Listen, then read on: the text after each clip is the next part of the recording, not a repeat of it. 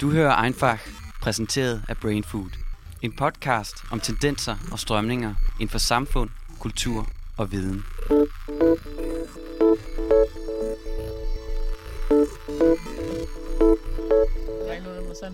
Hej Sara. Hej Sif. Vi sidder jo herude på Ingehavevej. Det gør vi her i vores øh, sådan halvnye studie, vil jeg sige, der nu. Ja, det er ret nice. Einfaks nye studie, og vi har fået en lydmad med og alt muligt. Kan du sige hans navn? Ja, det tror jeg nok. Han hedder Alexander Clerici. Var det rigtigt? Han nikker. Han nikker. Og øh, dit efternavn, det er Sara Scher. Var det rigtigt nok også? Det er helt rigtigt. Nice, mand. Øhm, men vi har været rundt og øh, prøve at finde nogle pacifister og undersøge pacifisme. Men jeg, hvad tænker du, når jeg siger pacifist? Jeg tror faktisk, at jeg tænker sådan på, på sådan 1970'erne, 1960'erne, og på, at øh, nogle unge mennesker kommer gående ned ad en gade med nogle store skilte, hvor der står peace, i noget ret spraglet tøj. Øh, og de har de her simple og sådan meget gode og rigtige paroler. Fred er muligt, for eksempel. Det er sådan noget, jeg tænker på. Er du pacifist? Ja, det troede jeg, jeg var. Øhm, men så mødte jeg Peter Viggo Jacobsen, som øhm, jeg tog ud og interview faktisk. Og han gav bare nogle rigtig gode argumenter for, hvorfor øh, jeg ikke tror, at tiden er til det. Jeg har faktisk tænkt, at tiden netop var til pacifisme. Altså nu har vi haft de her meget, meget mislykkede krige i Mellemøsten, og det virker som om, at nu mere vi bekæmper terror med krig, nu mere terror opstår det ligesom bare. Så jeg tænker egentlig, måske det er det netop nu, der kan opstå en eller anden pacifistisk bølge igen, også måske blandt ungdommen. Men Det er jo også netop derfor, at vi har været ude og lede efter nogle ægte pacifister og se, om der ligesom er nogen ude i Danmark allerede. Jeg er ret sikker på, at jeg har talt med en ægte pacifist. Øh, mig og Anders var ved fredsfakten ved Christiansborg og talte med Doris.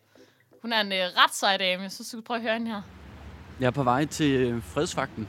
Jeg står her uden for en øh, Christiansborg i København. Der er tre flag, der, der vejer lidt længere frem. Der står Peace, Fride.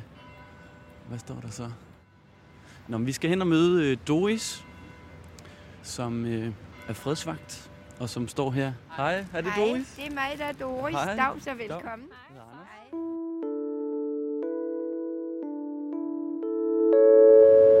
At øh, noget af det første, jeg synes, når jeg kommer, det er at få de her flag op. Og de kan se så langt væk, ikke? Med regnbuefarverne. Det springer meget i øjnene. Hvor lang tid har fredsvagten eksisteret? Siden øh, 19. Øh, oktober 2001, da den danske regering øh, sagde, ja, vi skal gå i krig. Vi skal ud i verden og kaste bomber. Og øh, der bliver jo stadig sagt, at til fordel for vores øh, kultur, vores interesser, det er svært at se som fredsvagt. Men så den der, da den danske regering havde, og det kom ud, at de havde sagt øh, ja til det her, så var der en af en fyr, Lars hedder han, som satte sig hen med en fakkel og lavede et skilt, hvor der stod, krig er terror.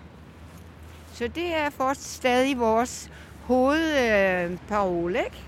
Og det siger, at vi går i krig mod terror, men krig er terror. Ikke? Og jeg vil da sige, og det tror jeg, at de fleste vil være enige med, i, med mig i, at krigene, der er blevet ført siden da, har produceret flere terrorister. Ikke? Og hvor lang tid, hvor lang tid står du sådan en dag her? Jamen, jeg plejer at stå to timer. Ja. Jeg bliver afløst kl. 12. Ja. Så går jeg forresten op til en demonstration, som er på Rådhuspladsen. Har I hørt om den? Øh, nej. Det er en, øh, der er et, et stort møde af nogle meget rige mennesker, som øh, handler med våben. Ja. Det er nogle af ærkefjenderne, våbenindustrien. Ja, det er det. For det, det virker som om, at det er dem, der får lov til at bestemme. Jeg har ikke nogen personlige beviser på det, men det virker som om, at krigene også åbner op for markeder. Er I sådan støttet af nogen? Er der nogen, der Nej. har nogen tilknytning til fredsvagten? Nej, det er der ikke. Jeg vil sige, at enhedslisten er, de eneste, som, som vi må godt gå op i på deres kontor, for eksempel, og, og trykke vores øh, øh, løbsedler. Så der er et venskabeligt forhold mellem jer og De, de, enhedslisten. de kommer forbi og smiler og snakker lidt. Ser du dig selv som venstreorienteret? Altså, ja, ja, ja. Hvis venstreorienteret betyder, at man skal have retfærdighed på alle plan, helt op til international plan, ja, så er jeg det. Ja, men jeg tænker bare på, hvor dit sådan engagement i, i den her sag sådan stammer fra. Hvornår startede det? Og... Det startede vel for længe siden, tror jeg. Måske startede det, da jeg var, da jeg var barn.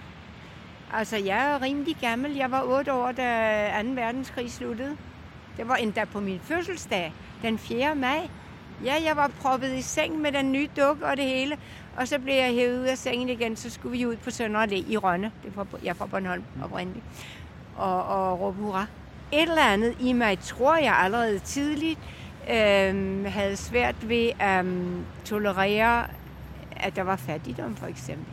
Jeg havde nogle kammerater, da jeg var lille, som min, deres mor vaskede tøj for min mor. Og først sagde min far, at de skulle ikke komme ind og lege med os, for vi lærte bare dårligt sprog. De talte så Bornholmsk, noget så forfærdeligt. Så måske det allerede der, jeg et eller andet, så har jeg boet mange år i Spanien, da jeg var ung. Og øhm, det var under Franco-tiden. Ja. Og der må jeg sige, der lærte jeg også folk, jeg kender, og der begyndte jeg også at se øhm, rigtig mange grimme ting. Ikke? Ja. Og folk, der var bange for politiet, og, og det er under, det er under diktaturet? Der. Det var under diktaturet, og det har vel også givet øh, tilskyndelse til, at jeg på en eller anden måde gradvis er kommet over til at holde med dem, som, eller, som gerne vil have fred, og dem, som gerne vil have retfærdighed. Doris, tror du, øh, fredsvagten, nu kigger vi ud over pladsen, tror du, fredsvagten er her øh, i 10, 20, for evigt? Jamen, så skal I komme og være med, jo. Ja. Ja.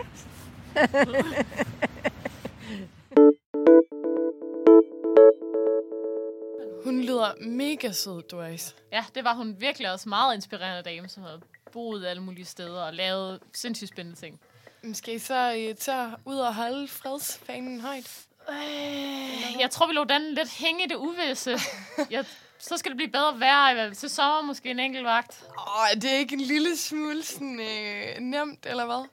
Måske, og lige smide sig udenom den der. Hvor gammel var Doris? Altså, hun kunne godt stå dernede. Hun var, jeg tror, hun var i 70'erne. Det er faktisk sjovt, fordi jeg troede ikke, at fredsvagten havde eksisteret i så, lang, eller i så kort tid, faktisk. Jeg troede lidt, at fredsvagten var et levn fra hippietiden. Det synes jeg også meget interessant, at det er faktisk i, i forbindelse med Irak-krigen, at det er begyndt også det her, øh, øh, det, det her slogan omkring, at, øh, at at krig er terror, synes ja. jeg faktisk er ret stærkt, ikke? Jo, de er meget, der er de meget klare, ikke? Når de siger, krig er terror. Og hvor hun også, hvor Doris også siger det der med, at hun tror ikke, der er nogen, der er uenige i, at øh, krigen mod terror har skabt flere terrorister. Det taler også ret meget til sådan mit øh, venstreorienterede hjerte, når hun, når hun taler om våbenindustrien og de mennesker, der har interesse i krig. Det synes jeg, der er noget, noget rigtigt i. Det kan godt blive sådan lidt gammelt marxistisk, som om der skulle sidde en eller anden øh, et stort komplot bag det hele, men jeg synes, det har et eller andet rigtigt over sig, at der er altså mennesker, der tjener på krig og tjener på våbenhandel og sådan. Det, det synes jeg er vigtigt at tage med. Ja, på den måde gav det måske mening, at det var ved enhedslisten, de kunne få lov til at gå op og printe øh, paroler og sådan Ja, der noget. havde det ligesom lige en adgang til printeren der. Det, det siger måske også noget om, omkring pacifismen, sådan... Øh, Jamen, det kan godt være, at I så tog øh, turen ned til Christianshavn og snakkede med Doris. Men altså, jeg tog så turen med S-toget hele vejen ud til Morlev, øh, hvor at jeg øh, mødte Peter Viggo i hans øh, parcelhus. Og det var, det var en ret fed oplevelse. Jeg har i hvert fald aldrig været i Morlev før, så det synes jeg, I skal høre.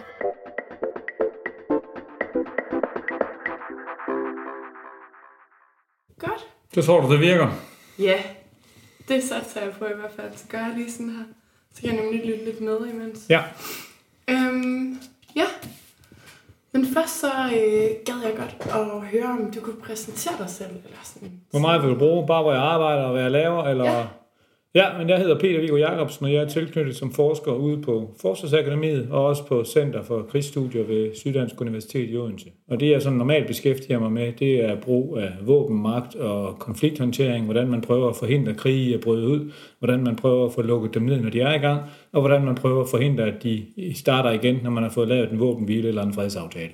Vi er jo ved at øhm, undersøge, om vi kan finde nogle pacifister i Danmark. Hvis jeg spurgte dig, hvad du vil sige, pacifisme er? Jeg vil sige, det er en afart af fundamentalisme, forstået på den måde, at det indebærer, at man kategorisk siger nej til, at militærmagt øh, eller vold må anvendes for at beskytte sig selv eller fremme politiske mål under nogen omstændigheder. Men altså i udgangspunktet, så er det jo svært at være imod pacifisme, fordi det er jo lidt ligesom at være imod øh, æblekage, som man vil sige i England, eller, eller at at det at forsøge at forhindre, at krig overhovedet opstår. Og, og det, kan selvfølgelig, det, det kan man selvfølgelig ikke være imod.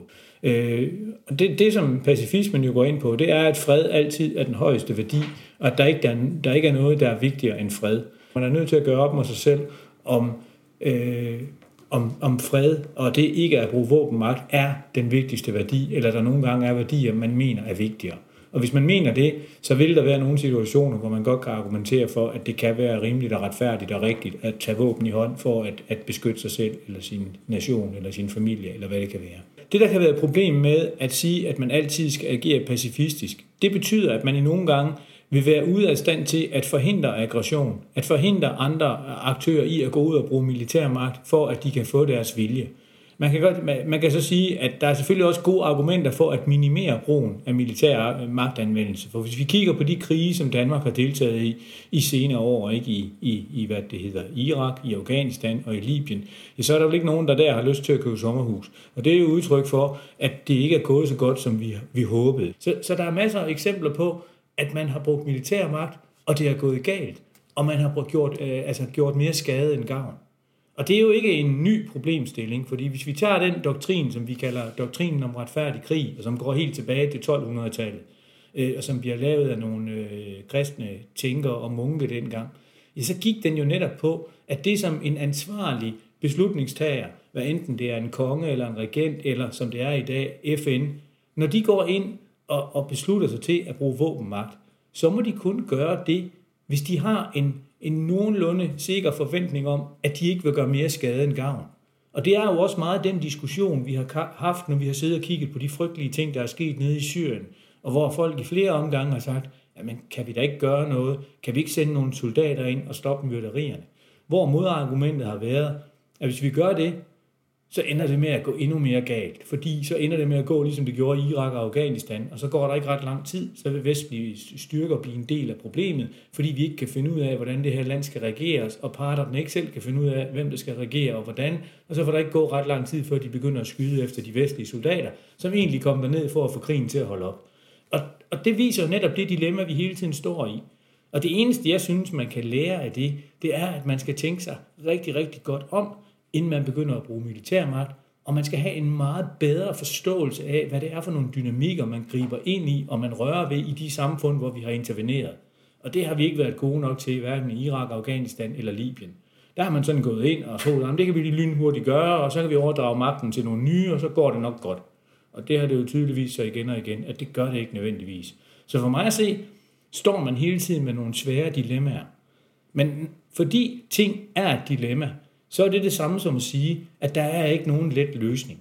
Og her synes jeg måske, at pacifisme nogle gange bliver den her lette løsning. Fordi hvis man bare siger, at man, man må ikke bruge militærmagt. Man må, vi, skal, vi kan ikke øh, gå ned og intervenere og skyde i Syrien, fordi øh, vi skal have en politisk løsning. Det synes jeg er lidt at, at glide udenom problemet. Man er nødt til hver gang at se på, hvordan kan vi i den konkrete situation gøre alt, hvad vi kan for at få lukket ned for brugen af vold, eller i hvert fald sikre, at så få mennesker som overhovedet muligt lider. Og der vil man nogle gange nå til den konklusion, at her bliver vi enten nødt til at skride ind militært, eller true med at gøre det, for at få dem, der bruger militærmagt, til at holde op, eller tænke sig om to gange, eller til at lade være med at kunne øh, bruge våben på en, på en specielt øh, barbarisk eller grusom måde. Øh, men, men fordi det er så svært, så kan man nogle gange komme til at gøre, gøre, gøre skade ved at bruge med våbenmagt, men jeg synes egentlig også, at både Syrien og Rwanda viser, at man kan så sandelig også komme til at gøre skade, hvis man, ikke, hvis man vælger ikke at gøre noget. Jeg kunne også godt tænke mig en verden uden krig, og hvor man ikke længere behøver at have forsvar og betale folk for at lære, hvordan man lærer, hvordan man lærer at slå folk ihjel. Jeg tror bare ikke på, at pacifisme er den bedste vej til at nå målet. Så jeg deler sådan set målet, men jeg er ikke sikker på, at det middel, som de så foreslår, altid at vende den anden kind til, er den bedste måde at, øh, at nå en større grad af fred i verden. Jeg synes, det er ret vildt, at han siger, at pacifister er fundamentalister. Jamen, det er det jo, altså, det er det jo også. Det er jo en ret, øh, på den måde kan man sige, vild udmelding, ikke? Specielt når han slutter af med at sige, at, øh, at han kan ikke, altså at han er jo ikke uenig med pacifisternes mål. Han ønsker også freden, men han synes bare, at deres løsning er for let, og, og det er slet ikke sådan, det kan lade sig gøre, freden. Han snakker om, at man kan man kan også bekrige sig til fred, eller man... man... Nå, men han snakker jo om øh, de her situationer, hvor man faktisk er nødt til at bruge vold til at lukke ned for volden, ikke? Og hvis man kun kigger på Doris' termer omkring pacifister, og det er måske også derfor, at han kalder dem pacifister, så ville det ikke være muligt at bruge vold til at gå ind og lukke ned for vold. Altså, så vil vi være i en situation, han henviser til Franda, ikke? Hvor folk bare kan blive ved med at slå hinanden ihjel. Hvad skal man så gøre? Du må ikke gøre noget, hvis du er pacifist. Men han kritiserer samtidig vores sådan indgreb i Mellemøsten. Altså, han snakker meget om, hvordan man skal gøre, ikke? Så på den måde er han... Jo, det er lige præcis det, han fortsætter med at forklare, hvordan man kan gøre det bedre faktisk nu. For det spørger jeg ham også om. Et tankeeksperiment. Så hvad, vil, hvad tror du, der ville ske, hvis vi nu legede, at øh, Pacifistisk Parti kommer ind i Folketinget og ubetinget får flertal? Jamen, så er der jo ikke nogen tvivl om, at der vil ske en omlægning af dansk udenrigs- og sikkerhedspolitik. Øh, spørgsmålet er, om de, vil, om de vil være villige til at gå så langt, for vi har jo trods alt nogle internationale forpligtelser i NATO og andre steder, hvor vi er jo en del af en samlet alliance, der faktisk har det fordel, eller til formål at forhindre øh, krig i Europa igen. Og spørgsmålet er, om de vil være så konsekvens, at de vil sige, at Danmark kunne ikke længere være øh, medlem af en alliance, der forpligter sig til at bruge 2% af BNP på forsvarsbudgettet. Og den rene pacifistiske linje, det vil jo være at være, lave en, en total, øh, altså gå tilbage til at føre en totalt neutral udenrigs- og sikkerhedspolitik, i stil med det Sverige og, og Schweiz har gjort. Og så også nedlægge forsvaret konsekvent og håbe på, at man ved at fremstå som et godt eksempel, kunne være med til at, at få de her ringe til at sprede, sådan at andre lande begynder at følge Danmarks eksempel. Øh, og det vil jo så også kræve, at man altså holder op med at bruge pengene på forsvaret, og i stedet begynder at bruge de her penge på, på udviklingsarbejde og på at sprede den ideologi og idé om, at man skal, man skal fremme fredens sag. Øh, det, det, kunne man godt, det kunne man godt lege med. Spørgsmålet er så, hvor langt man vil komme med det, øh, og hvordan det vil, det, vil, det, vil, det vil virke i en verden, hvor øh, Øh, ja, man jo nærmest for at være stat, skal vi udvise en evne til at kunne kontrollere sit eget territorium og forsvare sig selv. Det ville jo lidt svare til, at man indførte den politik, som Måns Glistrup han gjorde sig til talsmand for i gamle dage, hvor han sagde, at vi skal bare have en telefonsvar, der siger på russisk, at vi overgiver os. Så, så man, hvis man laver en sådan politik, så, så baserer man sig jo 110% på, at der ikke er andre lande, der vil udnytte det til lige at snuppe Bornholm, eller gøre noget andet. Fordi så vil vi sådan set ikke kunne imødegå det med noget som helst. Og vi vil heller ikke kunne ringe til NATO og sige, at de skulle komme og hjælpe os, hvis russerne synes, at det kunne være smart at have en lyttepost på Bornholm. Kunne du forestille dig den konsekvens? Altså, når man sidder over for andre lande og andre ledere, som ikke har de store problemer med at bruge militærmagt for at fremme deres interesser, så er det svært ikke at forestille sig den konsekvens. Altså Danmark skal jo helt konkret nu til at forhandle med Rusland om, hvordan vi skal fordele nogle ressourcer op i Arktis. Danmark har gjort krav på Nordpolen, Rusland har også gjort krav på Nordpolen. Hvis russerne ved, at vi i udgangspunktet ikke vil løfte en militær øh, finger for at håndhæve vores krav oppe i Arktis, Hvorfor skulle russerne så ikke bare sejle krigsskib hen, og så, hvad det hedder, sige, nu det er vores? Fordi der vil ikke være nogen, der kunne stille noget op over for det, uden at sige fy, fy, skamme, skamme, og det må I ikke. Det kræver lidt, at de andre aktører i systemet også er villige til at spille efter de her nye regler. Det er de jo ikke, som, som, som landet ligger i dag. Øh, og derfor ville det måske også være lidt nemmere, hvis Danmark lå et andet sted rent geografisk. Så reelt set, øhm, sådan som jeg forstår det nu, så på grund af vores geografi og på grund af vores forhold til NATO, og sådan, så er det dybest set ikke en mulighed. Eller? Det er i hvert fald en meget risikabel øh, mulighed, hvor man i en situation, hvor man godt ved, at der sagtens kan tænkes nogle fremtidige situationer, hvor andre aktører vil, vil bruge våbenmagt imod os, så er det en farlig strategi at bare satse på, at det gør de forhåbentlig ikke, fordi vi er så rare. Altså, det vil være en bedre og sikrere måde at stille og roligt arbejde sig hen i en retning af, hvor alle de store magter begynder at se verden på den her måde, og begynder at afsværge brugen af militærmagt. Hvis verden var ligesom EU, så ville der jo ikke være nogen problemer med at gøre det, fordi i dag er vi i EU blevet så tæt integreret, som følge af det samarbejde, vi har haft siden 1945, at der ikke er nogen, der i et sekund overvejer at bruge militærmagt imod et andet europæisk land. Så hvad har vi fået skabt? Et fællesskab, eller en fredszone, eller en sikkerhedszone, hvor magt, militærmagt internt blandt EU-landene i dag er utænkt. Hvis man kan få skabt sådan en situation, så er der jo ingen problemer i at føre en pacifistisk udenrigs- og sikkerhedspolitik, fordi så ved man jo, at de andre ikke vil gøre os noget. Problemet er, at det ikke er alle lande i verden, der endnu er nået dertil. Og derfor er der nogen, der vil argumentere for, og det vil jeg også, at så længe vi er i en situation, hvor ikke alle accepterer de her pacifistiske spilleregler, så udsætter vi os altså for pression fra de lande, der stadigvæk bruger våbenmagt og ikke har nogen problemer med at gøre det, hvis vi selv afskriver os muligheden for at forsvare os. Og derfor ser jeg nok stadigvæk det her med at lade stille og roligt arbejde for at få udvidet den fredszone, som EU udgør, indtil vi forhåbentlig en dag kommer i en situation, hvor alle hele verden er en del af den der fredszone. Men der er jeg tilbage med mit tidligere argument. Jeg tror stadigvæk, at en udenrigspolitik, der også baseres på, på militærmagt, er den bedste måde at arbejde i den retning. Mens at, at jeg tror, at hvis man, gik, hvis man på nuværende tidspunkt gik ind og førte den her meget pacifistiske politik, ja, så kunne der være nogle andre, der måske kunne finde på at, at udnytte det på en måde, som ville forlænge tiden, inden vi kom derhen, og måske endda vil tvinge os til at genindføre øh, en mere militant politik igen.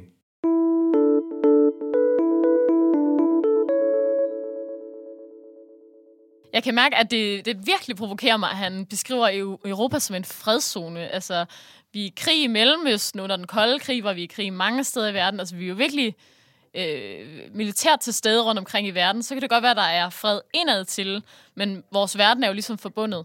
Ja, men samtidig har Peter Viggo også en pointe i, at han siger, at det kan godt være, at det virker som om, at der er en masse krige rundt om i hele verden, men vi lever faktisk i en rigtig fredelig tid lige nu, vi bliver bare hele tiden gjort meget opmærksom på, hvor der er krig henne.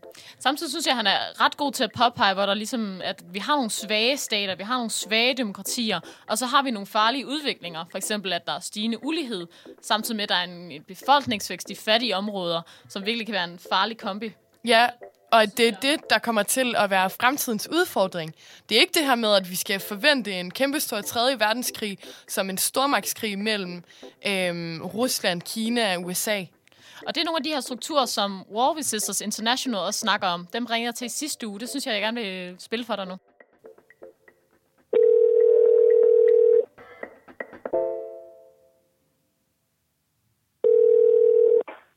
Hello, War Resisters International. Yeah, hello. This is Sarah Peterson. I'm calling from Denmark. Good, good. Uh, this is Andrew. Yeah, sure. Yeah, I was about to email you actually. Yeah, um, it's actually my colleague Hannah who's going to do it. So um, she's and she's just nodding at me. So that's that's um, and thumbs up even. So that's good. Oh, that's perfect. Thank you. Hi, this is Hannah. Could you, in short terms, describe what your organization is doing? Certainly. So, War Resisters International is an international network of grassroots pacifist groups so we have around 80 affiliated organisations across about 40 countries, including in Denmark. And the network acts for solidarity. So when um, groups are struggling, they can turn to other groups for support in campaigning, for ideas in terms of how to proceed with their work. Um, and also kind of just as a space to share experiences and learn from each other's successes. Um, so we've been acting like this since 1921 when we were founded, just after the First World War. Um, and we work particularly with conscientious objectors to military service, so in places where conscription still exists. And we also work with um, uh, people resisting youth militarization, so people who look at how young people learn about war and learn that war is a good thing. Um, and they kind of use the War Resisters International network to kind of share ideas and strategies about how to change that. Um, and we also work especially with groups that are trying to use non-violent direct action tactics in their campaigns. And we help them to do that through training and providing resources. So basically, we're a, network of groups all working against war and its causes across the world. Is the pacifistic ideal uh, challenged in the world today? Yes, I think that um, I think that pacifism is um, still really alive and well, but it, it's not um, it's not a kind of process or concept that you see played out in the actions of most governments or most corporations. So I think many people intrinsically have a very kind of um, loving and peaceful um, and collaborative um, like approach to life, but in the systems in which we live, that's very um, kind of disturbed and um, it's we're, we're, shaped by a world in which competition and um, difference and other people being aliens and being an enemy is extremely prominent. So um, when we when we talk about pacifism, we're not just talking about not going to war or not or not hitting other people in a kind of interpersonal violent way. We're speaking more generally about the idea that everybody has value um, that violence is really um, it's kind of totally against our human nature, and that actually, when we're talking about non-violence, we want societies that are, are just and equal for everybody, um, which removes many of the kind of reasons why violence occurs in the first place. So we're not just talking about the current system we have, but without war. We don't think that's possible. We're talking about a kind of really transformed society um, in which violence isn't seen not just at the state level, but also um, in the kind of structural violence you see in patriarchy and in capitalism and in the things that make people's lives miserable, essentially. So we see all of that as part of um, the struggle of pacifism. Um, so it's not just against war, it's also against the kind of violence in people's day to day lives. Where do you see the pacifistic idea gaining ground? Um, interesting. Um, well, I think some of the people, I mean, I don't know how it is in Denmark, but in Britain, I would say that um, there has been two responses, well, two types of responses to the so called refugee crisis. So um, when people kind of see people travelling to Britain and other countries in Europe from um, Eritrea and Syria and Afghanistan and other countries where people are needing to leave at present, um, there are two responses that are very prominent. One is the kind of right wing media response, which is we have to protect our borders, these people are a threat, um, and actually we need to kind of guard against them by putting police, putting other military structures at our borders. And I think that's an, is in quite a racist response, and it's inherently about, um, for example, in Britain, the people of Britain having certain privileges and rights which others should not have. So that's one kind of response. But I'm, I also feel like there's a lot more happening recently around conversations around like what national identity even is and the value of different individuals and why people are even coming to Britain, for example, um, and looking at different violence and economic violence that, that pushes people to leave where they come from. So I think in the conversations around borders and militarization, pacifism in its kind of broader sense is kind of gaining some So that's kind of grassroots people talking to each other rather than the system, as you put it. I think that like the system is is in, inherently militarized. It's kind of it's not enough to fight war when it's happening. You also need to look at the things that make war inevitable, and one of those is the arms trade. In this program, uh, we have heard a Danish expert. He says that being against pacifism is like not liking apple pie. He argues that the threat of war can sometimes maintain peace. Um, that war is sometimes a necessary evil. How do you respond to that statement? I think that's a kind of very kind of fatalistic, not very creative response. Um, I don't think. You, I think you said that he described the threat of war as maintaining peace. Yes. But that, to me, that's not peace. Um, that's just people not shooting each other, which obviously is a good thing. But true peace is a situation where we don't need to threaten each other with weapons um, in order to get essentially a, a, a kind of loving collaborative society. Um, so when, when he says that we're at peace, um, at Britain at the moment, we're considering whether to um, buy again a new series of nuclear weapons because the weapons we have currently are going to kind of need to be um, retired in the next few years. So there's a great debate around nuclear disarmament. Um, and in that debate, people argue that having a huge arsenal of nuclear weapons pointed at another state that has a huge arsenal of nuclear weapons pointing back at you is the only way to maintain peace. But in that kind of idea of peace, everybody is frightened. Everybody is seeing the other side as an enemy. And to me, that's no peace at all. So I, I really don't buy the kind of, um, if you want um, peace, prepare for war rhetoric. So um, to me, even the existence of armed forces is a violence.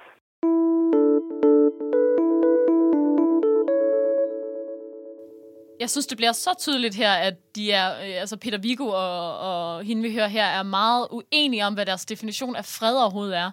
Altså hun snakker som, øh, om, at, at truslen om vold også er en slags vold, og hun slet kan lide den her tanke om, at hvis du vil have fred, så forbered dig på krig. Ja, og at hvis man har to kæmpe store atomguns pegende mod hinanden, jamen så er det stadigvæk ikke fred, selvom at man måske ikke bruger dem. Der har vi jo en helt, Viggo, Peter Viggo jo en helt anden tilgang, ikke? Lige præcis, fordi at han mener jo, at hvis de to guns kan gøre, at der ikke bliver væbnet krig mod hinanden, jamen så er det fred. Han snakker også om atombalancer, om, om forskellige magter, der holder hinanden i skak, ikke? Altså, jeg tænker også, at det er noget grundlæggende menneskesyn, de bare ikke deler. Altså, hun er meget optimistisk omkring en, en fredelig verden, så nærmest et utopia, som kan lade sig gøre på jorden, hvor Peter Viggo tænker helt andet om, altså helt anderledes som menneske, sådan karaktergrundlæggende. Han tænker jo hele tiden strategisk, ikke også? Det er som et sæt skak simpelthen, at hvis man, hvis man lige pludselig lægger bønderne fuldstændig ned, jamen så vil der komme nogle andre ind, bam, og tage dit land. Det er Bornholm, der ryger der. Farvel, farvel Bornholm, solgt til Putin. Og der har jeg det bare sådan lidt, altså hvad fanden vil Doris så stille op med hendes flag? Jeg synes jo, det er fantastisk, hun står der. Men jeg er jo et lige så stort dilemma, ikke også? Fordi igen, så kan vi komme tilbage til alle konflikterne i Mellemøsten, hvor man på så mange måder kan argumentere for, at der har det at gå ind i Mellemøsten skabt mere krig måske. Ikke som Doris sagde med, at krig skaber mere terror. Nu synes jeg virkelig, du forsimpler, hvad pacifismen er. Hvis der er noget, jeg synes, vi har lært i det her program, så er det, at pacifismen er mere end bare ideen om at lægge våbnene ned. Altså, det handler om de strukturer, vi lever under. Det handler om den måde, magt er, er fordelt på, den måde, øh, velstand er fordelt på i verden. Men så tror du så, at fred i verden er muligt? Mm, jeg tror, at fred i verden bliver mere muligt, hvis vi har en mere lige verden. Altså, jeg tror, at den ulighed, der er i verden, og de konflikter, der er meget skabt af ja, at forskel i verden, og forskel mellem folk, der har magt og ikke har magt, folk, der har ressourcer og ikke har ressourcer. Jeg tror, hvis man udligner nogle af de forskelle, så kan man nå en mere fredelig verden i hvert fald. Og det er vel også næsten der, hvor man kan sige, at det kan godt være, at Peter Viggo og øh, både War Resistance og Doris var rigtig uenige om nogle ting. Men hvis der var nogle ting, de faktisk kunne enes om, så var det vel egentlig også, at der i hvert fald skulle mere lighed til i verden, for egentlig at opretholde fred. Ja, at, at, at krig også er nogle strukturer og nogle muligheder, som er skabt, ikke? Lige præcis, og også at man skal være rigtig meget opmærksom på den, det, der er imellem krig. Altså, at der er nogle skrøbelige stater med nogle mennesker, der har nogle frygtelige levevilkår, og hvis vi ikke sætter ind der, og hvis vi ikke gør noget der, jamen, så kan det jo være endnu værre. Så kan vi i hvert fald ikke gøre os forhåbninger om fred.